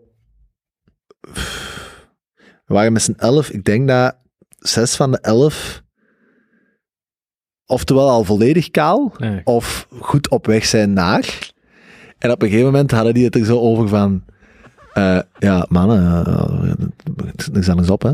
We boeken een... eh, Turkije. we boeken eh, een, eh, een all-in in Turkije. Hmm. Volgende zomer. En we vliegen met ons zessen naar daar. En ze leggen ons daar met ons zes op een rij op een tafel. En ze schieten ons vol hè, in onze kop. En dat beeld dat die Charles daar met hun zes op een rij liggen. Terwijl dat die zo in hun kop genieten worden. En daarna zo twee weken op een hotelkamer. Want er mocht met een bol niet in de zon komen. Echt. Ja. Zo, die heel dat, ik, jongen, ik kwam niet meer bij. Dat, dat moet zo hilarisch zijn. Eh, En groeit dat dan echt terug bij, of is dat gewoon... Ze pakken denk ik haar, alleen dat is mij nu aan de uitgelegd, ze pakken haar van heel de zij, een achterkant en zijkant, valt, dat gaat eigenlijk nooit weg. Hmm. Hè, dat is, ze pakken haar van hier uit, robotisch, en ze plakken dat op een bovenkant. Maar dan groeit dat terug. Ja, ja. Je moet blijkbaar gewoon om de tien jaar even terug om te laten bijwerken. Oh ja, en wat, wat kost dat? geen, geen, geen idee. Ik zou dat wel laten doen, denk ik. maar Ah, Normaal gezien word ik gewoon heel snel heel grijs en hou ik mijn haar. Ik ben echt grijs aan het worden. Ja, ik ook. hier helemaal. Mijn beu valt daar meer op. Bij mij is dat mooier. maar ik ga sneller volledig grijs zijn en niet van dat vlas. Vanaf Ik was wel aan het denken, ik denk dat een gouden trouwring bij mij wel heel mooi zou zijn. Zo met dat haar en dan zo wat... Oh god, het is kwart voor Ja. tien, het is tijd om af te ronden, denk ik. Ja. Nee, allee, ja, ik denk daar soms eens over na. Ik zag een, als ik in Zaandam was en kwam terug van Zuid-Afrika, zag ik een passeren. Zo echt, ja, dat, is- Trouwring. dat ziet er wel uit. Hè. Dat is zo knalrood. Allemaal van die zwarte puntjes in de kop. Ja. Maar dan nog, ja. Maar er zo... Ja, ik, ik, ik snap het wel. Ja, absoluut. Zou, zou je je haar laten kleuren? In wat? Ja, als je grijs bent. Naar blond, I guess. Nee, ik vind grijs haar... Ik denk dat ik, ik zou sneller iets doen aan... Denk ik nu, hè, ik zeg dat nu, ik weet, ik weet het eigenlijk niet. Aan kalend worden of zijn, Ja. Dan aan grijs. Grijs vind ik helemaal niet erg. Nee, nee, ik ook Want niet. gelijk, Kijk er in mijn baard heb ik ook grijs, maar daar, kun- daar kun je echt niks aan doen. Allee, daar kun je zelfs... Kaal ook niet, hè? Nee, nee, maar ik bedoel, als je grijs... Jawel, als je grijs haar hebt, dan kun je verven. Ah, ik Ah, ja, ja. ja. Ah. Ik dacht, het is niet uw schuld. Nee, natuurlijk is dat niet uw Ah, zo. Nee, nee, ik bedoel, dat, je kunt je haar makkelijk verven, maar je baard kun je niet verven, dus dat moet je gewoon accepteren. Maar ik snap wel... Ik zou denken, als ik kaal... Ik zou eerder alles afscheren, denk ik, dan zo nog een stukje haar, maar dat weet Ja. ik ook niet. Ik Je hebt ook echt zotte kappers blijkbaar, hè? Dat je zo'n Ja, ja. pruik, een pruik laat... En dat je daar gewoon ook echt niet... Ja. Maar dat lijkt me zo oncomfortabel om de een of andere reden. Ah. ik kan alleen maar denken aan jeuk. Als Ja. ik dat hoor, zo'n pruik. Dus, eh, ja. Ja, de podcast begint te dateren, hè. Pruiken, haarimplantatie. Maar drie jaar Ja. bezig. Hopla. Zeg, eh, het is kwart voor tien. Ik had hier eigenlijk... Ik dacht dat we het daar vandaag grotendeels over gingen hebben. maar we zijn eh, een mooie traditie niet voorbij vraag 1 geraakt. We, we hebben nog een kwartier, hè? Ja, oh, oh, ja. Ja. Benjamin amuseert zich hier Ik ben altijd. moe. Ik wakker, altijd... ja, maar ik ben wakker van half zeven. Ja. Ik heb een lange dag gehad. Ik zou liefst afronden. Hmm. Ehm, ja, hou je dat niet voor, want dan binnen twee weken is dat ook nog wat verder unraveled, hè? FTX? Je liefdes... Ah. Ah. Dat is misschien gecorreleerd. Ah. FTX, ja. Ja, daar kunnen we wel even... Ja, als ze daar nu over starten, dan zijn we vertrokken. En ja, ik, ik, ik ben echt... Ik ken wel mensen ja. met eh, geld op FTX. Wel, een, Oesh. Een, een schuldenclaim Die- ja, vandaag. die geld hadden op FTX. Om er iets over te zeggen, die tweet van de laatste 24 uur van die doet, die is toch aan het flippen. Die is toch aan het door... Die is, die, Ik- die ik heb spookt niet toch meer niet Ik, meer. heb ook niet, ik wist niet dat hij had getweet. Die, nee, Zo, what and age. ja, ja, Dat is het laatste wat ik gezien heb. ja. H, en dan een paar uur later E, een paar uur later P, nog eens P, wacht, happen, P, I, I- En zo elk uur, om de paar uur, is hij gewoon zo een letter aan het tweeten op die thread van what happened. Hmm. Happened gewoon per letter. Jesus. ja. Dus hij is echt gewoon door aan het vangen. En dan daarna, nu dan zo, dat heeft hem eerst dat, en dan heeft hem zo een vrij serieus een update gegeven. En dan daarop terug zo weer eh, truth en... Hmm. Ja. Oh ja. Maar ja, ze worden er ook wel echt doorgehaald. Ik- hè? Er is Ja, no- terecht. ja, terecht, ja. Maar... Ik vond die tweets van Zutsu van Three Arrows Capital. Die heeft dan echt eh, in de week getweet. Zo, ja, ik zou het moeten voorlezen. Ik zat wel zoeken tegen volgende keer in de zin van. Ja, we, hebben, we zijn eigenlijk tot besef gekomen. eh, we hebben heel veel gemediteerd de laatste maanden. We zijn gaan surfen. En eh, nu, nu gaan we opnieuw beginnen. Echt zo van, jullie hebben echt mensen voor miljarden opgelicht. Fuck you met je meditatie en je surfen en dat je je hoofd hebt kunnen leegmaken de laatste zes maanden. Je hebt gewoon mensen miljarden eh, ontfutseld en zo. En die Sam Bankman- Bankman-Fried ook zo. 50 miljard. Lehman Brothers was 35 miljard. Mhm. Dit gaat over een gat van 40 tot 50 miljard. Ja. Is het niet tijd dat wij dan de Junto Exchanges beginnen? En ook zo aan een exit werken? Die doet hem, die is nog niet klaar. Hè. Nee. Die de bakken. verhaal, ja. Of die, eh, binnen een paar weken vinden ze die nergens in een, in een goot, zal ik ook niet van verschieten. Hè. Hmm. Zullen we wel wat deal Die hey, godverdomme, echt. De, de cojones ook op die, op die gast, hè, waar jij ook doorstuurde. Dan, dan zo de Miami, de Miami Heat hal Ja, ja, ja. sponsoren voor ja, miljoenen. lifetime, 180 miljoen. Dat soort van shit. Voor, Snap, ik zou dat ook nog wel doen. Allee, ja. Kolbe gewoon erop. Hier zo op het Sportpaleis. Kolbepaleis. Ah. Ja, ja, ja. Sowieso, jong. Ja. Ja, ja. Maar dan- we zijn, aan het, we zijn ook veel aan het zeggen zonder de context te geven, dus de helft van de luisteraars kan ook ja, die niet zijn al volgen. Bo, boys, ik, eh, als het oké is, dan uh, zal ik me graag hier afkletsen. Vond jij nog iets? Ehm, ja, ik had een cool verhaal over eh, de fiscale blauwdruk, maar dat zal ook voor de volgende keer zijn. Volgende keer de fiscale. Ik ga misschien nog een laatste dingetje meegeven, als dat oké is. Kort. Eh, vraag, ik spring even naar vraag 6. Heb je recent een nieuwe persoon ontdekt die interessant genoeg is om te delen? Hij is hier al eens gevallen, maar Fred Again. Hmm. Teun heeft daar zo'n live set van gedeeld. Ik, hm. ik heb die op YouTube. Ik heb die net beluisterd. Dat is wel echt... eh good stuff. Hmm. Dude, het is wel vrij tot zeer geniaal, denk ik. Ja, we hebben een botaniek gezien. Ah, my man, Concept, botten. zeker aan. En die is zo dankbaar. Ik vind dat echt een heel schoon artiest om bezig te zien. En heel, die, zo'n beetje gaat zo vijf jaar geleden Muramasa, ook zo'n jonge Ja. gast uit eh, de UK. En Maar ik heb die aan een Pukkelpop gezien, dat hij echt zo tien instrumenten bij had en de hele tijd afwisselde. En de stijl is iets anders, maar ik vond dat ook wel gewoon cool om die gast bezig te zien. En ook zo heel inventief, creatief. En heeft zo wat Muramasa-stijl vibes, maar eh, de stijl is heel anders. Ja. Dat doet me er een beetje aan denken. Ja, ik had nog een mooi citaat. Oké. Don't be fooled by your happiness. There's so much more room for emptiness. Ah, nee, het was andersom.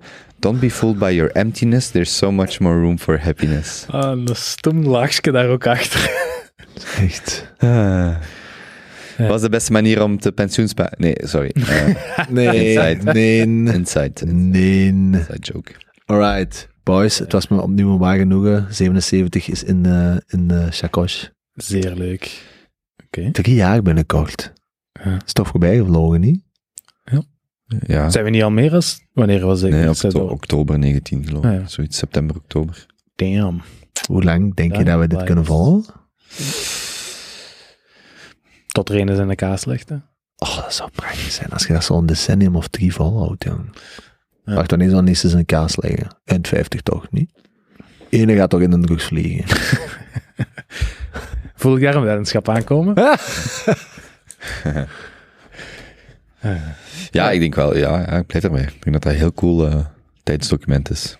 Ja. Zo onze Mhm. kinderen daar ineens naar luisteren. Ja, ja. Ik was er onlangs nog aan het denken tot welke leeftijd ja, dat je best niet op social media zou zitten, omdat, dat, omdat je nog niet volledig volgroeid bent en wat wilt je zeker niet voor altijd gearchiveerd hebben. Ik denk dat al die jeugd die er nu meteen opspringt en ik weet niet wat doet op social media en dat voor altijd op online heeft staan. Maar die hebben allemaal. Ja, Dus als zeg dat die iedereen, op de arbeidsmarkt zijn. als iedereen naakt is, is niemand naakt, hè. Ook waar, komt er toch aan eigenlijk. Oh, oh, trouwens. Jij gaat vier zijn. Jij gaat, vier- jij gaat echt vier zijn, want ik moest aan u denken. Ehm, ik was gisteren in Waarwaters Oh, en ik ben in het eh, naaktgedeelte geweest. oh. Oké. Nooit eerder gedaan. Wat? Ja? Wat? Nooit, ik ben daar nu al een keer of vijf geweest. Ik ben daar nooit eerder. En de gisteren dacht ik, ga eens naartoe. Dat heb ik eigenlijk ook nog nooit gedaan. Wa- En- wa- wa- wa- nou, je gaat toch naar de sauna? Mijn zwembroek. Ja, maar daar is, een, Eh. daar is een gedeelte toch... Ik ben nooit geweest in Waagwaters. eh, Ja, dus je hebt een gedeelte gekleed en dan een gedeelte niet gekleed. En het niet geklede gedeelte is ook echt heel mooi. mhm. En eh, dat is, eh, ja, ja, ja. was echt goed. En daar in Aangenaam. Zwitserland heb jij toch ook je zwembroek? Ja, omdat het Ja, moest. maar dan wel. Omdat het moest. Oké.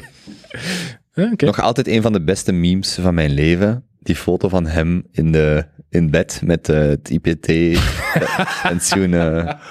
Wat een kutfoto je was dat dat ook. Ja, Nee, ik weet het niet meer. Oh, wat een scheidfoto. niet meer gezegd. we hebben toch aan tafel een discussie gehad over pensioenen. Ja. Wij gaan terug naar de kamers en, Ah, ja, ja, hij- ja, en ik ja. maak een foto van hem met dat erop. En dan echt zo, Ja. Scheidfoto. ja. En uiteraard heb ik die foto afgeprint en aan hem afgegeven. ja. Oké, Goed, dat was hij weer. ik ga Oké. afdrukken. Boys, Hi. tot de volgende. Kusjes. Mm. Tjus, Ja, vergeet niet te liken. Ik moet een beat geven. Give me one. Uh, you and uh, you the boys. You and Junto. Junto Boys. Junto. Junto.